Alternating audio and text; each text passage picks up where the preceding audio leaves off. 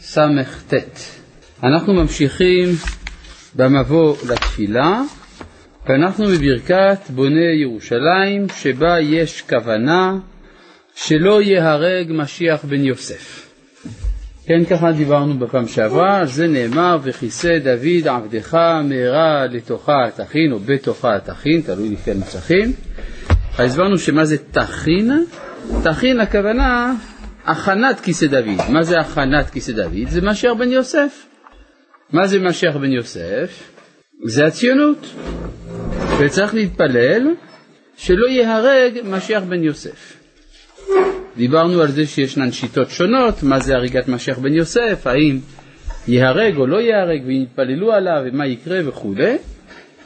דיברנו על זה שיש לכאורה בזה מחלוקת בין הנגלה לנסתר. הרב קוק מדגיש במספר מקומות, ובזה עצרנו בפעם שעברה, שמשיח בן יוסף כן ייהרג. מה זאת אומרת משיח בן יוסף כן ייהרג? האם הכוונה שמשיח בן יוסף, אם זה הציונות, אז זה אומר, מה, חורבן המדינה? ככה שאלנו את הרב צבי יהודה. הוא אמר לא, אבל ירידה קצת. כך שאתמול ראש ממשלתנו תרם להריגת משיח בן יוסף תרומה חדשה, תרומה נוספת, עוד קצת נהרג משיח בן יוסף אתמול, כן? בלילה. כשמשיח בן יוסף מכריז שהוא מעוניין במסירת חלקים של ארץ ישראל, עוטפים את זה בקוסמטיקה, אבל בסופו של דבר זאת הכוונה, כן? להרוג את משיח בן יוסף, והדבר הזה מבואר ברב קוק בספר אורות, בעמוד קס, פסקה ו'. מסביר הרב, מה זה הריגת משיח בן יוסף? הגיע הזמן לדעת קצת, לא? טוב. במשיח בן יוסף מתגלה התכונה של לאומיות ישראל מצד עצמם. בעברית, ציונות.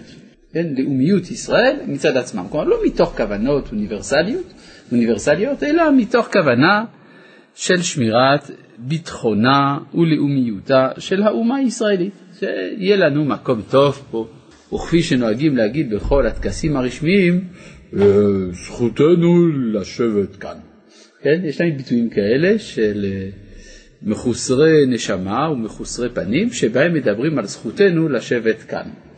ויש רק דבר אחד שמתעלמים מן הצורך להסביר אותו, מי זה אנחנו ומה זה כאן.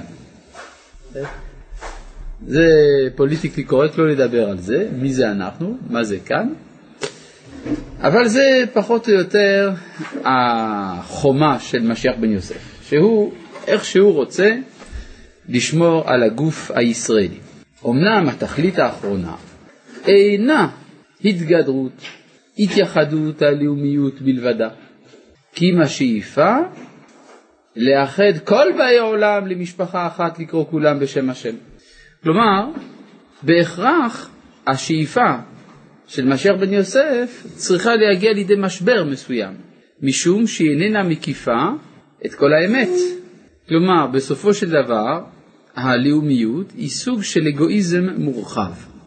במקום שאני אהיה אגואיסט, כל הציבור שאליו אני שייך הוא אגואיסט. אנחנו אגואיסטים לעומת אומות העולם. ברור שעמדה כזאת בשלב מסוים נתקלת בקשיים מוסריים, ולכן יש גם אובדן תחושת הלגיטימיות של הזהות הזאת. מובן? עד כדי שיש צורך יום ולילה להגיד יש לנו זכות לשבת כאן. אז זה אה, הקושי, מה שנקרא משבר הציונות, מונח בעצם ייסודה של הציונות, שהלאומיות היא בסופו של דבר אגואיזם לאומי. אז זה מה שכאן אומר הרב, אמנם התכלית האחרונה איננה התגדרות, התייחדות הלאומיות בלבדה, כי אם השאיפה לאחד כל באי העולם למשפחה אחת תקראו כולם בשם השם. ואף על פי שזה צריך גם כן מרכז מיוחד, אז יוצא שהאומה הישראלית היא מהווה כמין מרכזייה עולמית לתיקון העולם, וברור שאם זה היה המסר המדיני של מדינת ישראל, אז הייתה לנו עוצמה אה, לתבוע את חלקנו בארץ הזאת, לא בתור מקום בטוח ליהודים או נחלה רומנטית נוסטלגית של אבותינו, כי אם הכלי המשמש את היכולת של ההקרנה אל האנושות. אבל הוא אומר, כיוון שזה לא כך, אף על פי שזה צריך גם כן מרכז מיוחד, מכל מקום אין הכוונה כולה רק המרכז, כי אם פעולתו גם כן על הכלל הגדול, וכשצריך העולם לעבור עניין הלאומיות אל הכללות, כלומר כשנעשה משבר בלאומיות בגלל שהגיע העידן של הכללות, פה מדובר כללות במובן החיובי של המילה, של הקרנה אוניברסלית של כלל ישראל וכו', צריכה להיות גם כן כעין הריסה, משהו צריך להיהרס, כעין הריסה אל הדברים שהושרשו מצד הלאומיות המצומצמת שיש עימה המגרעות של אהבה פרטית יתרה. על כן עתיד משיח בן יוסף להרג, ומלכות אמיתית וקיימת תהיה משיח בן דוד. כלומר, מה שנאמר כאן זה שהלאומיות הציונית נכנסת למשבר, אז באופן גלוי משברים זה דבר רע, אבל הם מפנים את הדרך בהק... להכרה חדשה, ההכרה של משיח בן דוד, שעניינה הפעולה האוניברסלית. על כן עתיד משיח בן יוסף להרג, ומלכות אמיתית וקיימת תהיה משיח בן דוד, וכשמידת הכוסף אל הטוב הכללי מגיעה לביטול ערכה של התייחדות הלאומיות, כלומר כיוון שאנשים חפצים בטוב הכללי, בגלל זה הם מערערים על הערך של הלאומיות שלהם, זה סימן טוב מבחינה מסוימת, סימן שההכרה המוסרית גדלה. הנה עוד צעד אחד והרע יהיה מבואר גם כן מחיי היחידים, נמצא שביטול יצר הרע והריגת משיח בן יוסף קרובים הם בעניינם זה לזה. לפיכך נחלקו חז"ל בפרק החליל על הפסוק והביטו את אשר דקרו אם הוא על משיח בן יוסף שנהרג או על יצר הרע שנהרג. זאת אומרת שמשבר הציונות צפוי. השאלה הוא מה הפתרון של המשבר הזה. אז יש אומרים, צריך לחנך ליותר לאומיות. אנחנו נחנך, אנו באנו ארצה לבנות ולהיבנות, פה בארץ חמדת אבות וכולי. או אפילו נאמר, יש מצוות יישוב ארץ ישראל, מצוות כיבוש ארץ ישראל. הסיכוי שזה יעזור קרוב למינוס חמש, שהרי יש כאן כוח אחר מעורב בו, שתובע מבחינה מוסרית את תיקון העולם. לכן הפתרון של המשבר, אם יתחילו לעבוד כמו שצריך, זה להתחיל לפעול מירושלים, כי מציון תצא תורה אל אומות העולם. היום אנחנו נמצאים במצב שבו יש סכנה ממשית לעולם כולו של השתלטות האסלאם על העולם. לא שיש להם סיכוי להצליח, אבל הם יכולים לעשות הרבה בלאגן. הרבה, הרבה בלאגן, היום כבר אירופה בשלבי קריסה די מתקדמים בתחום הזה, וגם בארצות הברית בעוד 50 שנה יהיה בה אה, אחוז גבוה מאוד של אוכלוסייה מוסלמית. כן, צריך לחשוב על הדברים האלה. ברור שמשיח בן יוסף לבדו לא יכול לעמוד מול הדבר הזה. זה לא, יכול, זה לא יעבוד.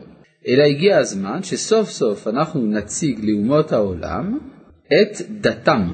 מהי הדת האוניברסלית שצריכה לבוא מירושלים, להסביר לאומות העולם מהי האלטרנטיבה לנצרות, האלטרנטיבה לאסלאם, האלטרנטיבה לבודהיזם, האלטרנטיבה לאיצ'ינג וכולי. כלומר, הגיע הזמן שמתוך ירושלים יבוא מסר אוניברסלי שיתקן את העולם כולו.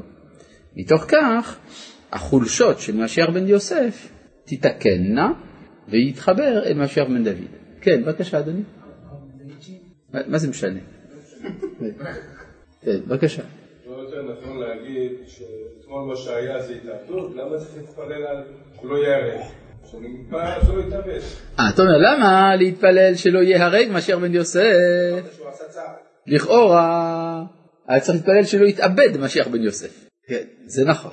כן, אבל המדרשים הם עדינים, כלומר, הם, אה, איך, איך לומר, הם אה, מכירים את הלב החלש של היהודים, אז לא רצו לספר לנו שמשיח בן יוסף גם רוצה להתאבד.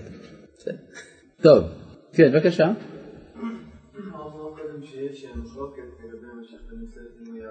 נכון, דיברנו על זה בשבוע שעבר.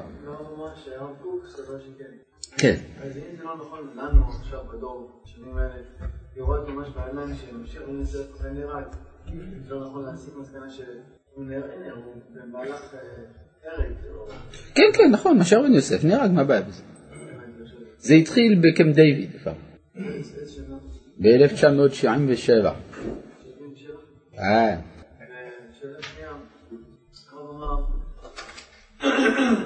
הגיע הזמן שאנחנו נוציא מסר מפה מירושלים לעולם. אז בוא נאמר, שלב שמתקדם יותר מרוב העם, רוב הארץ, שאומרים את זה והגיע הזמן גם, אבל עדיין יש מרחק גדול בין לבוא ולומר את זה בכיתה, לנו תלמידים, אה, לבין לעשות את זה. מה מפריע בין לנו לעשות את זה?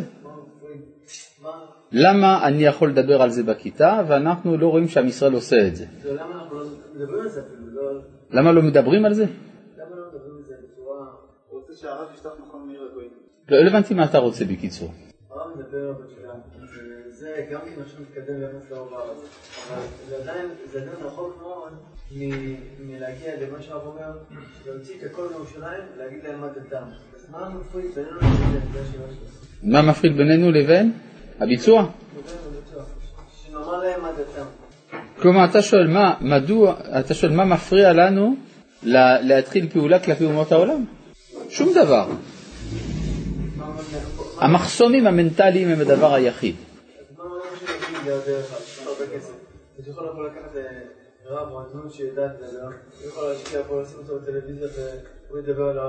כן, בהחלט. זה הכל, זה הכל. הלאה. כן. אנחנו מוכנים? או עדיין? האם הגויים רוצים לשמוע מאיתנו? אתה לא יודע עד כמה. המון הם רוצים לשמוע. בוודאי. כן. אנחנו מוכנים אה, לספר להם. האם אנחנו מוכנים, כלומר האם אנחנו כבר יודעים מה אנחנו רוצים לומר להם? התשובה היא לא.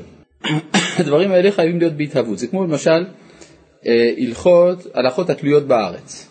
אז כתוב בתוספות, במסכת כתובות, שרבנו חיים כהן אמר שבימינו אין מצווה לשבת בארץ ישראל, בגלל שאנחנו לא בקיאים בהלכות התלויות בארץ ואנחנו עלולים להיכשל. ככה היה לפני 800 שנה. אחד מבעלי התוספות אמר, אנחנו לא יודעים להיזהר. כן, רומם, אתה רוצה להיכשל באיסורים חמורים? מי שלא יודע הלכות ברכות, שלא יאכל, כן. מה הבעיה? שלא יאכל. אז אה, אתה אומר שיגיע לפיקוח נפש, לא, פיקוח נפש דוחה הכל.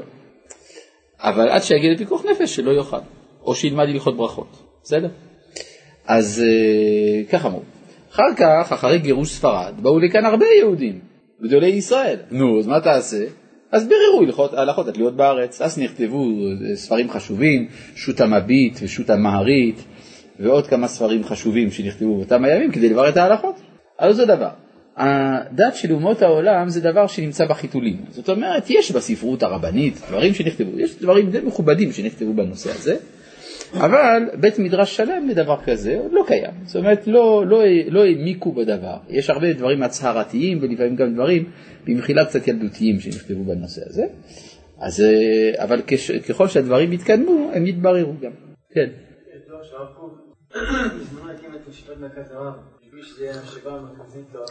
נכון. מדוע נאמר עכשיו, בשלב הזה, השינויים האלה לא מקימים, לא מקימים אה, אה, מערך או צוות או משהו, כבר יכול להתחיל לטפל. תעשה את זה, נו, מה אתה רוצה ממנו?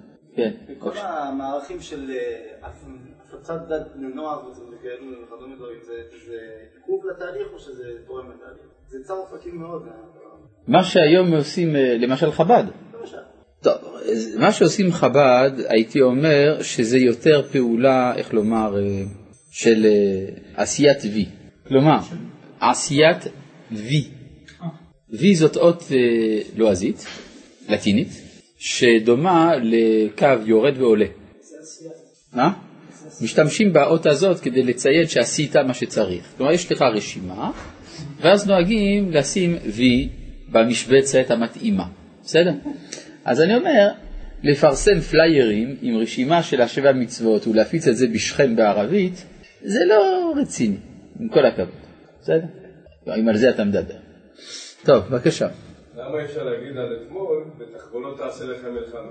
אתה אומר, על אתמול בתחבולות תעשה לך מלחמה. יכול להיות, אבל שני דברים יאמר, יאמרו על זה. אמנם מעשיך יקרבוך ומעשיך ירחקוך, המעשים הם הקובעים, אבל אל תשכח שבעולם בגדול למילים יש יותר השפעה מן המעשים אפילו. במילים, ההסכמות עקרוניות זה דבר שיש לו השלכות לטווח ארוך. זאת החלשה. בסדר, והוא יסובב אותם כמה שנים ויתחלפו. אתה אומר ככה, הוא יסובב אותנו, אולי הוא יסובב אותך. טוב, נמשיך הלאה. יעדכנו אותנו. לא, לא, לא, לא, לא, לא, לא, זה אני לא מסכים. אתה מבקש שנעדכן אותך מה שקרה אתמול בערב. אחת מהנחות היסוד של כל לימוד תורה זה שהאדם יודע מה קורה בעולם. אתה צריך לפתוח את הרדיו, לקרוא את העיתונים, לדעת מה נאמר. מהן הסוגיות העומדות על הפרק. אנחנו לא פה בדיווח עיתונאי. הרב צבי יהודה קוק זצ"ל היה קורא את עיתון אה, הצופה לפני התפילה, כדי לדעת על מה להתפלל. ויש אומרים שזאת הסיבה שתפילותיו לא נענו, כי זה היה צופה, שזה היה שלוש... שהיה מביא דברים של שלושה ימים קודם. עד כדי כך שאמרו שלעיתון מעריב יש רוח הקודש, שהוא יודע שלושה ימים מראש מה יהיה כתוב בהצופה. כן, כן, בבקשה.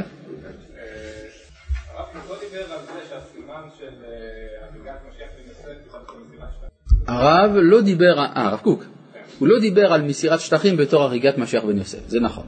הוא לא אמר את זה במפורש. מה? הוא אומר החלשה של הרוח הלאומית. החלשה של הרוח הלאומית יש לזה השלכות מעשיות גם.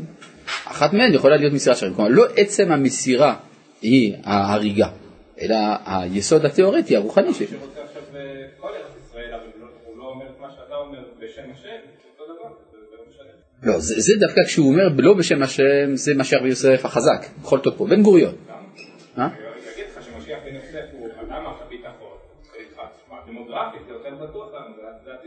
זה עדיין כן, לא ברור. כן, אבל הטיעון הדמוגרפי יסודו בטענה מוסרית. כלומר, אין לך זכות מוסרית אם אתה אומה מול אומה לשלוט על עם אחר. זו הטענה. כן, זו טענה מוסרית. מה שאין כן, משיח בן דוד, זה לא מפריע לו הדמוגרפי. לא טענה. למה? תשמע, של כוח? לא. סליחה, סליחה, לא הבנתי, לא הבנתי מה שאתה אומר. אני שמעתי את המילים. אני מסביר למה זה לא מובן מה שאתה אומר. אתה אומר שאם יש כאן רוב ערבי, אז זה סכנה ביטחונית. ואם אתה מוסר את הש- את השטחים, אין רוב ערבי בין הירדן לים? זה אותו רוב, אלא מה? אתה החלטת לא לשלוט שם, זה הכל. זאת אומרת, אתה החלטת שאתה לא יכול לשלוט על ציבור שאתה לא נותן לו אזרחות, זה הכוונה. כלומר, היסוד הוא מוסרי בסופו של דבר. מה? לא, זה לא טענה דמגוגית, זה טענה שבאמת צריך לה- להתייחס אליה בכובד ראש. לכאורה, יש פה טענה מוסרית. איך אני יכול לשלוט על אוכלוסייה שאני לא מוכן לתת לה אזרחות, כן? לא לא בעניין שיש רוב ערבי. הטענה של רוב ערבי כל הזמן חוזרת. כן, אני יודע, טוב, אה, זה העניין של הרוב, אם זה דמגוגי או לא, כן, זה סיפור אחר. אני אומר, יש לך כן חובה לשלוט ולא להעניק זכויות לאחרים, במידה ואתה מייצג מגמה מוסרית יותר עליונה, שהיא תיקון העולם מלכות שדי. הרי אתה לא מונע מאף אחד מלהצטרף אליך, רק, ש... רק שיתגייר, הוא יהיה אזרח כמו כולם. אלא שאתה עוד לא מאמין שהזהות היהודית שלך היא בעלת תוכן עילאי. זאת הבעיה. כן? אז יש פה בעיה מוסרית בסופו של דבר. אז צריך ללמד זכות מוסרית, כלומר שהרצון למסור שטחים לדעתי איננו ביטחוני. אפשר למכור טענות ביטחוניות, אבל הטענה הפנימית היא מוסרית. טוב, אה, אולי רק הערה אחרונה בנושא הזה, יש תנועה, הייתה תנועה אמריקאית בזמן מלחמת וייטנאם, שקראו לה בשם Peace Now, זוכרים? הייתה, אה, תנועה כזאת, והם אמרו, מה? לא, לא, בכלל לא, זה בדיוק, הטענה. הם טענו שצריך לצאת מווייטנאם. ומה הסיבה? כדי שלא יהרגו יותר חיילים אמריקאים. עכשיו, הם הוסיפו כקישוט לטענה הזאת דבר נוסף, שזה לא יפה להרוג וייטנאמים. אבל הטענה הבסיסית, כלומר המוטיבציה האמיתית של אותה תנועה הייתה שלא יהרגו חיילים אמריקאים. יש תנועה אחרת לגמרי במדינת ישראל, שאני שכחתי את השם שלה בעברית, שהיא אמרה את ההפך. היא אמרה שצריך לצאת מיהודה, שומרון ועזה, כדי שלא יהרגו ערבים. ואז מוכרים כקישוט לטענה הזאת, שאנחנו לא רוצים שיהרגו חיילים שלנו. כלומר, אתם רואים שהמוטיבציות של שתי התנועות הן בדיוק הפוכות זו לזו מהבחינה הפנימית. כן, מה המוביל המוסרי? המוביל של התנועה האמריקאית היה טובתנו, המוביל של התנועה הישראלית, טובתם. זה מאוד אופייני ליהודים, בסדר? טוב, בואו נמשיך. כן. אולי זה לא קשור, הרב חושב שבאמת כל אלה עושים את כל החישובים הפנימיים האלה ואחרים ומנסים להבין בדיוק מה גורם להם? אתה שואל אם אני באמת חושב שזה מה שאנשים חושבים. כן, אני חושב שזה מה שהם חושבים. עכשיו, לא תמיד מחשבתו של האדם עולה אדם מודע, אבל זה המנוע הפנימי, המניע הפנימי. יש בוודאי, אה, צריך לנתח מה זה תת מודע, איך זה עובד, אבל אני בהחלט משוכנע שזה כך. טוב, למה תגיד לא, מה פתאום, הוא הצביע בגלל המיצובישי? זה לא משנה. זאת אומרת, זה שהנפשות הפועלות על פני השטח יכולות להיות נפשות מושחתות, המונעים לפעמים על ידי אינטרסים קטנים, זה הקצף שעל פני, פני האוקיינוס. השאלה היא מה התנועה מאפשרת את הקצף הזה בכלל. והיא תמיד תנועה פנימית יותר. צריך לראות את היסוד המוסרי. אם אתה בוויכוח, אה, בוויכוח על דעות מתעכב אך ורק על המניעים השפלים של העומדים בראש, ה, בראש המעשים, אתה לא יכול לנצח. כי אתה צריך תמיד לדעת מה השורש של הדברים. טוב, אז זה היינו בברכת אה, בוני ירושלים, כן? ובני, אז בואו נמשיך. וכיסא דוד עבדך מהרה בתוכה תכין. זה כבר שלושה שיעורים שאנחנו מקדישים למילה תכין. בואו נמשיך. ובנה אותך בניין עולם במהרה בימינו. זה בנוסח הספרדי. בנוסח אשכנז מה כתוב? לא כתוב, נכון? לא כתוב בני אותה. כן, מיד אחרי זה יש חתימת הברכה, נכון? טוב, אז הספרדים הוסיפו ובנה אותה בניין עולם במהרה בימינו. מה זה לבנות את ירושלים? מה המשמעות המעשית של בניין ירושלים? הר- הרכבת הקלה למשל, אה, בתים, כן? אה, זוגות, אה, זוגות צעירים, אזורי תעשייה, זה נקרא לבנות את ירושלים. על זה אנחנו מתפללים מאז אנשי כנסת הגדולה ועד היום. לא, זה לא המקדש, לא המקדש, כתוב ירושלים. המקדש זה ברכה אחרת, אבל יש תפילה לזה שירושלים תיבנה. כלומר, הקבלנים בירושלים, הם עושים עבודת קודש, שהם בונים את ירושלים. כן. אני חושב שכבר דיברנו, אבל ירושלים פה זה המובן של כל הארץ, או זה מתמשך, נכון? האם ירושלים פירושו כל הארץ? במידה מסוימת כן, ודאי. כן, הרי כתוב ירושלים, ככה כתוב במשנה, מקודשת מכל ארץ ישראל. מסביר הרב ציודה, מכוח כל ארץ ישראל. לכן הרב ציודה היה אומר, כשאנחנו שולטים בכל ארץ ישראל, גם ירושלים קדושה יותר. טוב, כן. אם זו שיטת הרב, הוא לא צריך לומר לכם והשוממה. אה, לפי זה אתה אומר, אם באמת ירושלים בנויה היום, אז למה להגיד נחם, העיר החרבה, והבזויה והשוממה מבלי בניה היא יושבת? אם זה מקדש כן. אם זה המקדש כן, אבל אם זה ירושלים אז לא, נכון? זה באמת מחלוקת. אנו, אין לנו אלא דברי מורנו ורבנו הרב צבי יהודה קוק שאמר שלא לשנות. שאמר שלא לשנות את נוסח נחם. אמנם הרב שלמה גורן, שהרב ראשי לישראל, אמר כן לשנות את נוסח נחם, אבל זאת לא הייתה החלטת מועצת הרבנות, זאת הייתה דעתו האישית. לכן המשנה תבוא עליו ברכה, שאינו משנה תבוא עליו ברכה. כשאתה מתפלל אצלי, אתה מגיע לתשעה באב אצלנו? כן, אז אתה יודע שאנחנו לא משנים בנחם, כן. אבל אם החזן רוצה לשנות, אני לא אומר לו כלום. אבל אמרנו שאסור לשנות. הכל בנבואה היום. נו, אז מה? אבל אני רוצה להגיד משהו. כשבית המקדש יהיה בנוי, אתה תתפלל שייבנה בית המקדש? רגע, אני שואל, אז ברגע שדבר שאתה ביקשת יתקיים, אתה כבר לא מתפלל עליו. לכן יש כן מקום לשנות אם צריך. אתה לא יכול לשקר בתפילה. כן? זה גם אה, בשו"ת המביט. יודע מי זה המביט? היום... יודע מי זה המביט? כן, אז המביט אמר שכאשר אה, ייבנה בית המקדש וכולי, אנחנו נשנה את התפילות האלה. בסדר. היום מאמינים בלמה שני. אין את זה היום. יודע מה? מי? כמעט אין את זה, מה יש היום? כמו שהיה שתיקנו את התפילה. ודאי, כש- כשתיקנו את ברכת המינים היו הרבה מינים. עכשיו אין לנו כל כך הרבה, אבל יש קצת. אז זה, מספיק כדי להצדיק. בודדים לא לא... כאשר אמינות תכלה מן העולם, גם לבטל את ברכת המינים. המביט, שאל אותו. לא, המביט זה רבי משה מיטרני, שהיה אה, חברו של מרן הבית יוסף בבית הדין שלו, ישב איתו בדין 40 שנה, מגדולי הפוסקים. כתב ספר בית אלוהים, כתב שאלות ותשובות, כתב קריאת ספר על הרמב"ם. בקיצור, יהודי חשוב, המביט. כן? אז אה, הוא אחד מעמודי ההלכה. הוא גם זה שאנחנו מסתמכים עליו בהיתר המכירה של השמיטה, על המביט. בכל זאת, כן. אמרנו שארץ ישראל, אה, שירושלים זה בעצם העיקר של ארץ ישראל. נכון. אפשר להגיד שבית המקדש זה בעצם העיקר של ירושלים, כמו כמו של התפילות, אז נכון. אם בית המקדש חרב, אז כל ירושלים חרב. זה, לא, זה לא נכון. אם, כל, אם המקדש חרב, ירושלים לאו דווקא חרבה. זה לא נכון. אלא מה? חסר העיקר, נכון. אבל התפילה לא נאמרה על בניין בית המקדש, התפילה נאמרה על ירושלים, מה אני אעשה? מה העניין של בניין ירושלים אם המקדש עצמו לא בנוי? אה, יפה, שאלה טובה. מה העניין של בניין ירושלים אם בית המקדש עצמו לא בנוי? מה הערך של זה? אתה שואל, נכון? אז כדי להבין את זה צריך לחזור אל הלכה מקורית במסכת ברכות.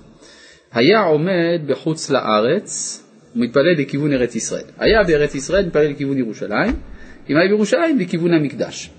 ובסוף הגמרא אומר, המשנה אומרת, נמצאו כל ישראל מכוונים למקום אחד. מה זה נמצאו כל ישראל? הרי אמרת בהתחלה, אה, אה, כלומר, אה, מה החידוש בדבר הזה?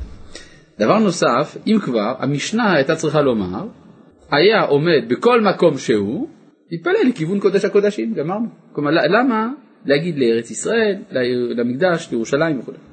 אלא כנראה שמי שנמצא בחוץ לארץ לא יכול לכוון לקודש הקודשים.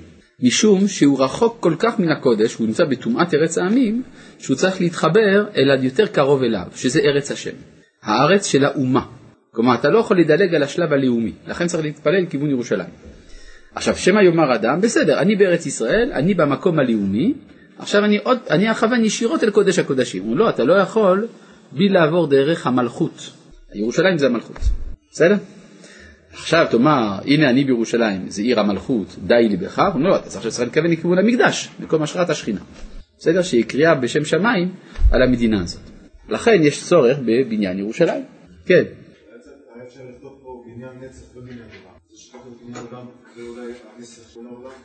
אה, אתה שואל שעולם פירושו כלל, כלל עולמי. אני לא חושב, אני אגיד לך למה. כי המילה עולם בתנ"ך פירושו נצח, והתפילה נכתבה על ידי נביאים. בסגנון תנ"כי. טוב, אה, אה, ברוך אתה השם, עשה, ובנה אותה בניין עולם במהרה בימינו.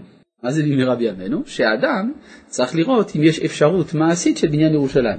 יש אה, בין הדברים ששואלים את האדם כשהוא עולה למעלה אחרי 120, שואלים אותו האם ציפית לישועה. אז אומר רש"י שיתקיימו דברי הנביאים. מוסיף אה, הר"ן על דברי רש"י שיתקיימו דברי הנביאים בימיך.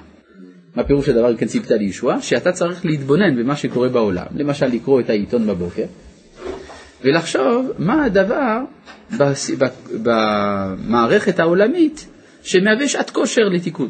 למשל, נביא לכם דוגמה של הדבר הזה. היה יהודי אחד, רבי מנשה בן ישראל. שמעתם על רבי מנשה בן ישראל? הוא על רמברנט, הצייר, שמעת?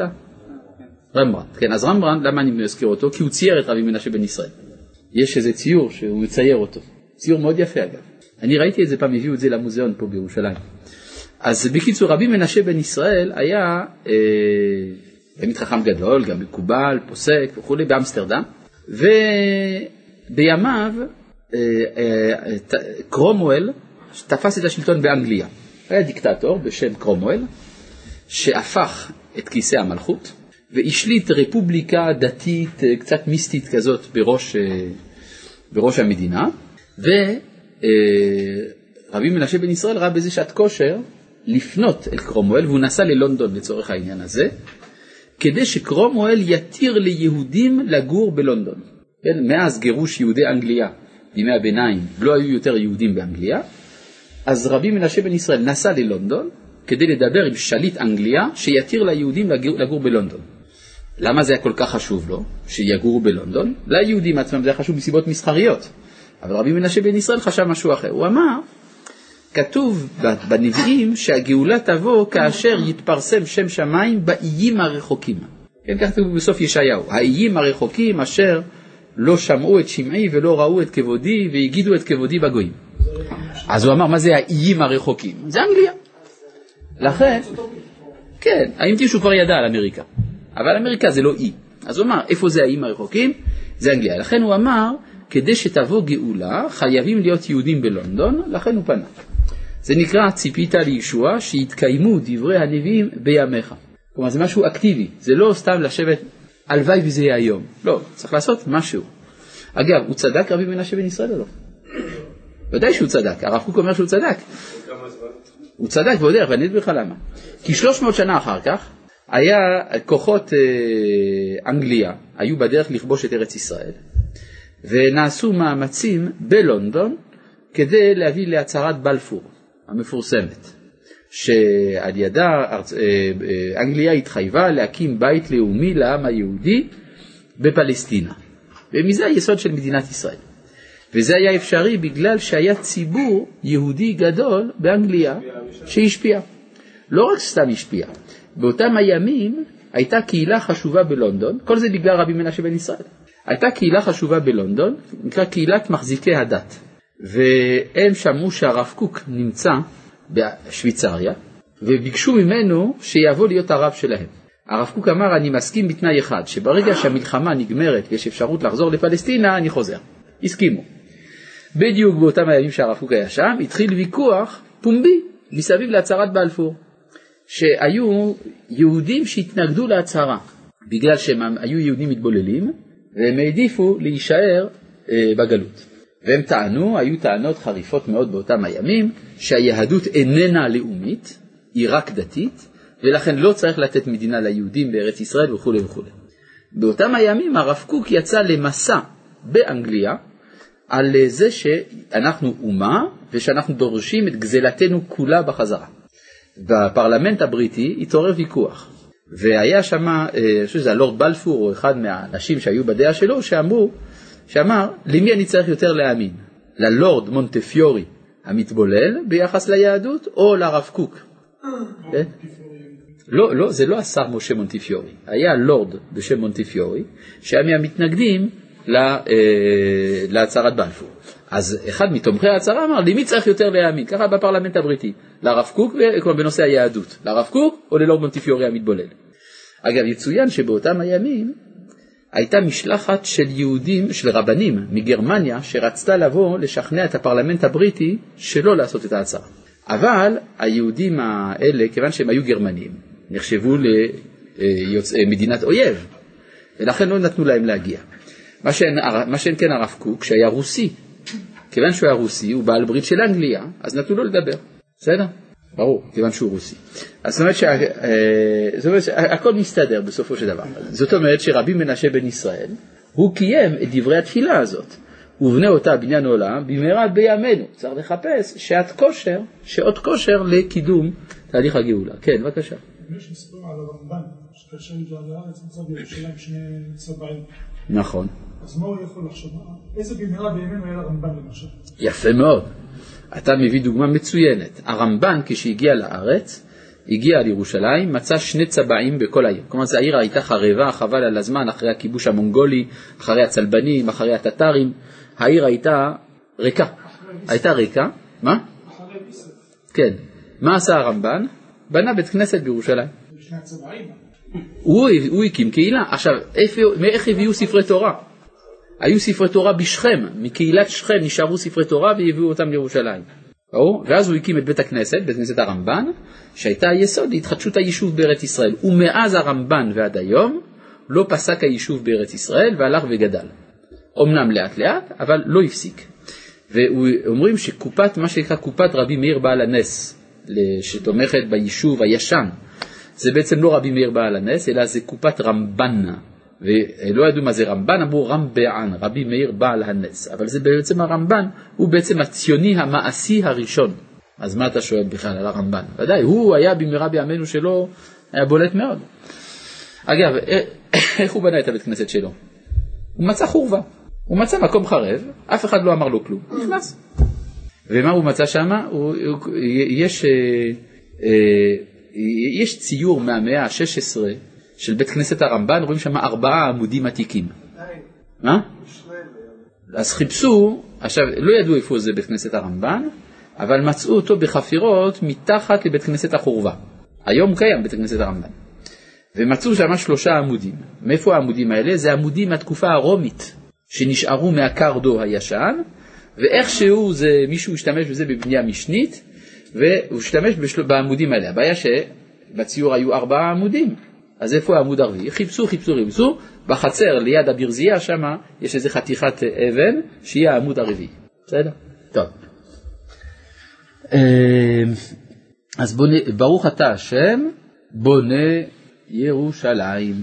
הנוסח משתנה, בתשעה באב יש כל מיני מנחם ציון ובוני ירושלים, או בבניין ירושלים וכדומה. כן.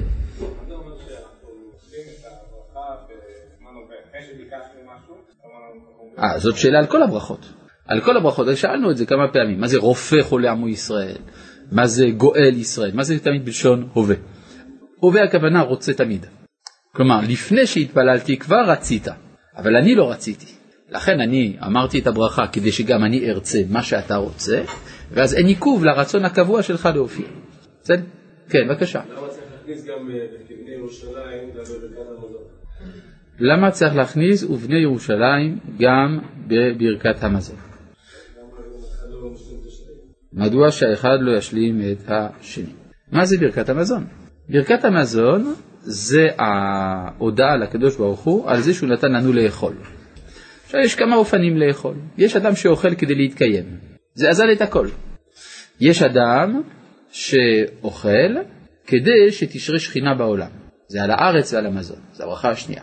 ויש אדם שאוכל לקדושה, שזה אכילת הקורבנות בירושלים.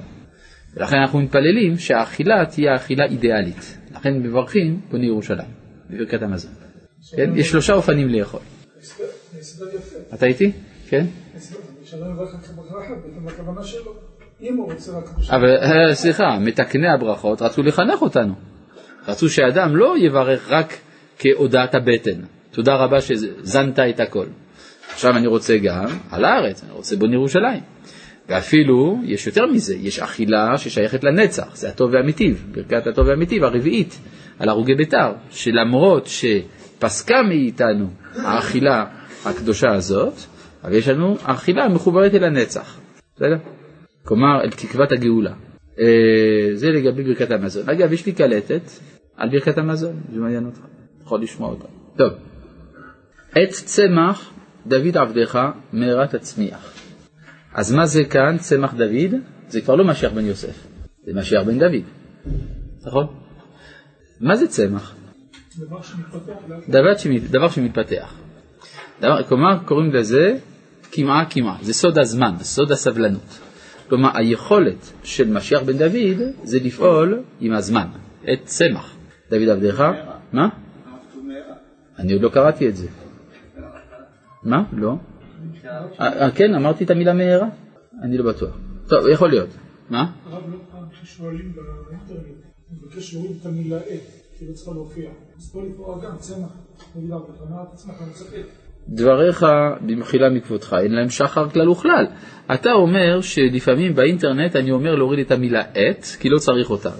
זה לא נכון.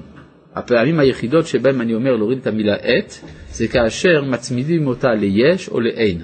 ואחרי יש לא אומרים את, ואחרי אין לא אומרים את. בסדר? אם כי כתוב, אם יש את נפשכם, לגבור את מתים מלפניי. אבל שמה זה לא את במובן של מושא ישיר, אלא במובן של עם, יש עם נפשכם, אז שמה זה בסדר. אז לכן פה, שזה לא אחרי יש או אין, ראוי שתופיע המילה את, כן, שלא כדעת בן גוריון שרצה אה, להשפיע על האקדמיה לבטל את. בסדר. עת, צמח, אה, יש פה שתי שאלות. במחילה וברטת, איך אנו יודעים שתפילותינו מתקבלות או למצער נשמעות? פשוט מאוד, הן פועלות במציאות. הנה, תיקח אדם חולה, תתפלל עליו, תראה שהוא יבריא. נראה פשוט. אם הן מתקבלות, קל וחומר שנשמעות. לא לא. בסדר, הבנתי, אבל השאלה היא כזאת, כיוון שאנחנו רואים שהתפילה פועלת, אז יש סימן שהיא נשמעת, זה פשוט מאוד. מה? למשל היה יהודי אחד, רבי אליהו גוטמכר, בת- בתחילת המאה ה-19 בגרמניה. הוא היה יהודי, תלמיד חכם מתלמידי רבי עקיבא איגר, אגב ממבשרי הציונות גם, והיו באים אליו מכל אירופה כדי שהוא ירפא חולים. אז יום אחד זה עצבן אותו, והוא לא יכול היה ללמוד תורה בגלל הסיפור הזה. אז הוא כתב בעיתון שהוא מבקש שיפסיקו לבוא אליו. והוא אומר, כי סך הכל אל תייחסו אליי שום כוחות, כל מה שעשיתי, סך הכל התפללתי לקדוש ברוך הוא, והוא ענה לי. אז אם אתם רוצים שאני אתפלל עליכם, תשלחו לי בפתק מה הבעיה, מה השם שצריך להתפלל אליו, לא צריך שתבואו אליו. ברור. זה מה שהוא אומר, אני פשוט התפללתי והשם ענה לי תפילתי. כן? לכן כשאדם מתפלל והתפילה לא נענית, זה קושייה. הגמרא אומרת, התפלל אדם ולא נענה, יחזור ויתפלל.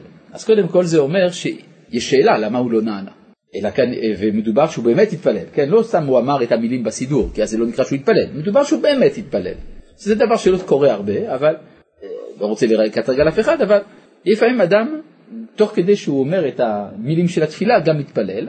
אז אם יתפלל אדם ולא נענה, אומרת הגמרא, יחזור ויתפלל. מסביר הרב קוק בעולת ראייה, בהקדמה, שלכאורה, יש שאלה באמת למה הוא לא נענה. אלא, ולכאורה זה היה אומר שאם הוא לא נענה בפעם הראשונה, היה צריך שלא יתפלל עוד פעם, כיוון שלא ענו לתפילתו, סימן שלא צריך שיתפלל שוב.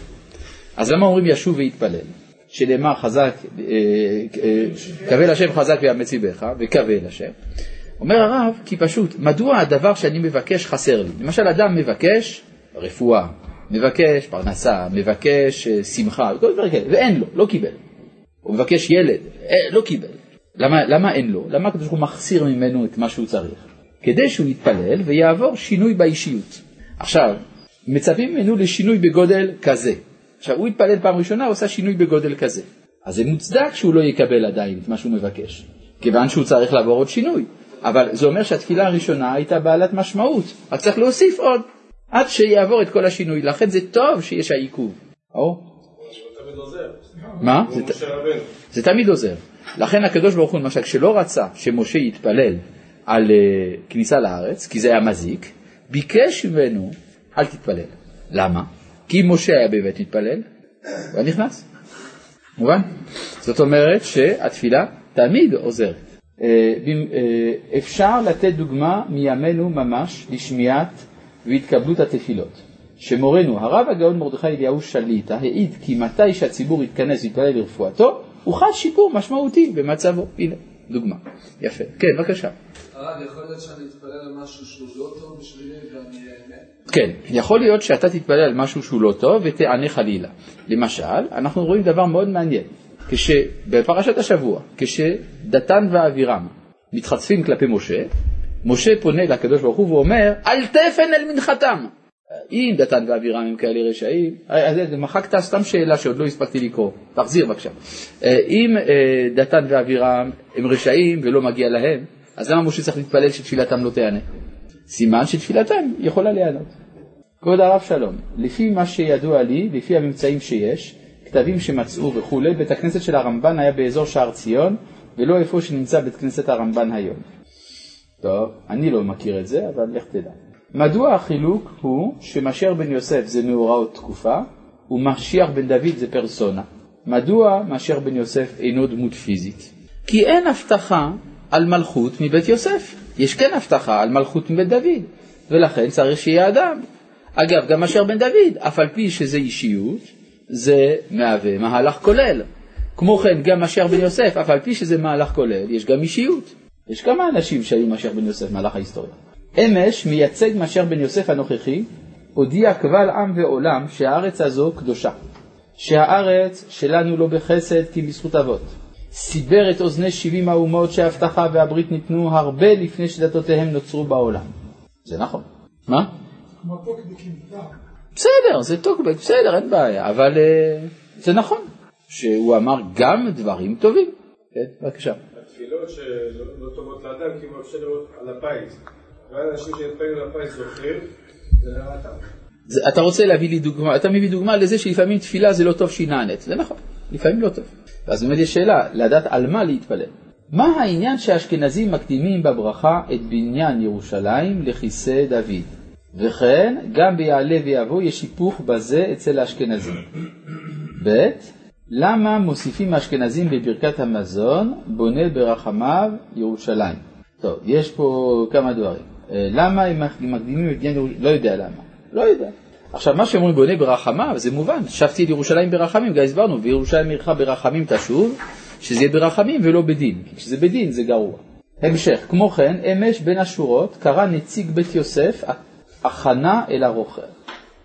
הכנה אל הרוכב לבוא, אה, בית יוסף הכנה, אל הרוכב לבוא להתרכב, כמו בכף, בו.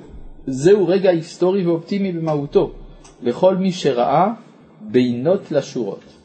טוב, בסדר, אשריך שאתה קורא בין השורות. בוקר טוב הרב, איך ואיפה לומדים מה אנו צריכים ללמד לגויים, ומה כל עמנו יגיע להבנה שזה מה שאנו צריכים לעשות? תודה. איפה לומדים? בבית המדרש. האם כל העם יגיע להבנה? כן. אז אם משה היה מתפלל, היה עובר את השינוי הדרוש, ואז היה נכנס לארץ בלי לגרום נזק. הראיה שיש תפילות שלא מתקבלות. זה לא נכון. אם משה היה נכנס לארץ, הוא היה נכנס, אבל העולם לא היה עובר את השינוי המתאים בכניסתו של משה, וזה היה גורם נזק לעולם. לכן הקדוש ברוך הוא אמר לו, רב לך, אל תוסף דבר אליי עוד בדבר הזה. כלומר, זו בקשת טובה אישית שמבקש הקדוש ברוך הוא ממשה לא לקלקל לו את התוכניות. טוב. אה, מה? איך מסתדרת התשובה הזאת של הרב עם הסיפור של הזושה, עם התינוק?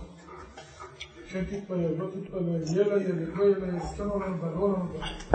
אז רואים שלפעמים, למרות שהקדוש ברוך הוא אומר לא ולא רוצה, אדם עושה, זה לא... אה, אתה אומר, לפעמים הקדוש ברוך הוא אומר, בכל זאת צריך לעבור על דברו, ולפעמים לא. מהו הקריטריון? עד כאן שאלתך. תשובה, אינני יודע. הלאה. את צמר דוד עבדך, אתמול קיבלנו בנאום את הקמעה קמעה, תוך הרצו ושוב שבשיעורי התורה אנו למדים יסודות אלה הלוך וחזור. האם לא הגיע הזמן שנלמד לראות את התיאוריה שאנו למדים ומשננים במעשים ובמילים? כן. שלום כבוד הרב ולתלמידים. האם מותר להתפלל לרפואת הגוי? תודה. מה אתה אומר? לא, השאלה היא אחרת. האם השאלה הזאת שייכת לשיעור או לא? מה? טוב, מותר, מותר, מותר. כן. האמת היא שהוא כתב בטעות שהוא גר בתורפת, זה עם צדיק, לא בטעות. האם כבר הודיעו את עלילותיו באיים הרחוקים? כן. אה, כן, במיקרונזיה, תמיד מיקרונזיה היא בעד מדינת ישראל בהצבעות דור. כבוד הרב, האם ראש הממשלה לא נקט בשיטת משה, שלא גילה לפרעה את התכלית הסופית אלא דיבר על שלושת ימים בלבד? כשנגיע איתו להר סיני נדבר. אולי, מאיפה אני יכול לדעת? טוב, אה, בואו נמשיך. את צמח דוד עבדיך, כן, כלומר היסוד של אה, מלכות בית דוד זה הסוד של הסבלנות. כן, מצאנו למשל בברכות של אה, יעקב אבינו לשבטים, אז הוא פוסל את ראובן מן המלכות. למה? פחז כמים. כלומר, הוא הולך מהר מדי, הוא עושה דברים בלי שיקול דעת, רוצה תוצאות מיידיות. פחז כמים. לעומת זה, הוא כן מכתיר את יהודה בתור הראוי למלכות. מה הוא אומר לו? הוא אומר, גור אריה יהודה. מה זה גור? זה קטן. אחר כך, אריה. קרא רבץ כאריה וכלבי, שזה כבר אריה גדול, מי יקימנו. כלומר, הסוד של יהודה שעושה אותו ראוי למלכות, זה שהוא יודע ללכת כמעט כמעט. אז אותו דבר, את צמח דוד עבדך. מהרה תצמיח. אז יש פה סתירה פנימית. או תצמיח, אז למה מהרה? אה, יכולת לשאול, שאלת את זה. כן. אז התשובה היא שגם דבר שהוא בתהליך, יש אה, מהירויות שונות לאותו תהליך. זאת אומרת, אפשר לדלג על ייסורים מסוימים. אם הדברים הולכים לאט מדי, יש גם ייסורים. למשל מצאנו אה, פסוק כזה בספר תהילים, שני פסוקים שונים מאוד. יש פסוק אחד שאומר, מי ייתן מציון ישועת ישראל, בשוב השם שבות עמו, יגל יעקב ישמח ישראל. יש פסוק אחר לגמרי שאומר כך, מי ייתן מציון ישועות ישראל, בשוב אלוהים שבות עמו, יגל יעקב ישמח ישראל. אמרו הריקים שזה טעות של האורך, שפה הוא תיקן ופה הוא לא תיקן, בקיצור כל מיני שטויות כאלה. אלא שהכוונה היא אחרת לגמרי. יש שתי אפשרויות של גאולה, או בשוב השם או בשוב אלוהים. בשוב השם זה מידת הרחמים. אם זה בשוב אלוהים זה במידת הדין. מה המאפיין? אם זה במידת הרחמים זה ישועת, בבת אחת, הולך מהר. אם זה אלוהים, מידת הדין, ישועות. יש, קצת פה, קצת עצירה, עוד פה, עוד עצירה. כן? כלומר, זה, אז יש איסורים בדבר הזה. אבל בין כך ובין כך, בין שזה בשוב השם, בין שזה בשוב אלוהים, בין שזה ישועת, בין שזה ישועות, יעגל יעקב ישמח ישראל. מובן? טוב. מה? ספר תהילים. לא, לא, זה, ב, זה במזמורים שונים זה מזה. טוב, כן. המהרה הזה הוא בא להגיד לנו שלא יהיה הערצה יותר מדי של התהליך, שכאילו מרוב תהליך אנחנו נשכח את ההופעה. כן, צריך, כלומר, יש לפעמים בתוך התהליכים זמנים שצריך ללכת מהר. למשל, אנחנו רואים בגאולת מצרים, לקח הרבה זמן, אבל פתאום בלילה שצריך לצאת בחיפזון.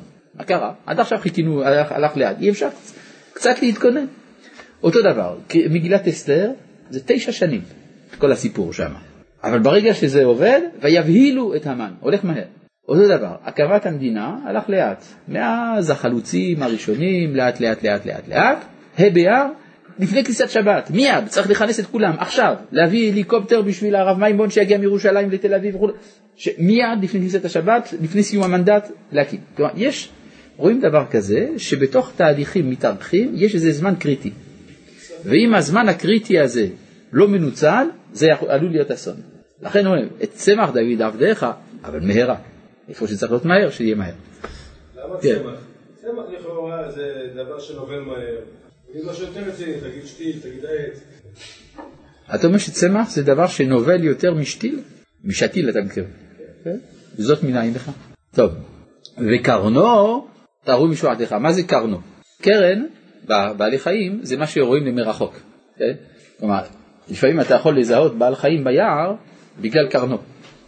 כלומר, קרן זה כינוי בתנ"ך לפרסום, וקרנו תראו משועתך. כלומר, עניינו של משיח בן דוד, לעומת משיח בן יוסף, זה הפעולה שלו על כלל האנושות. וקרנו תראו. מה זה בישועתך? את זה נראה בעזרת השם יתברך בפעם הבאה. שלום.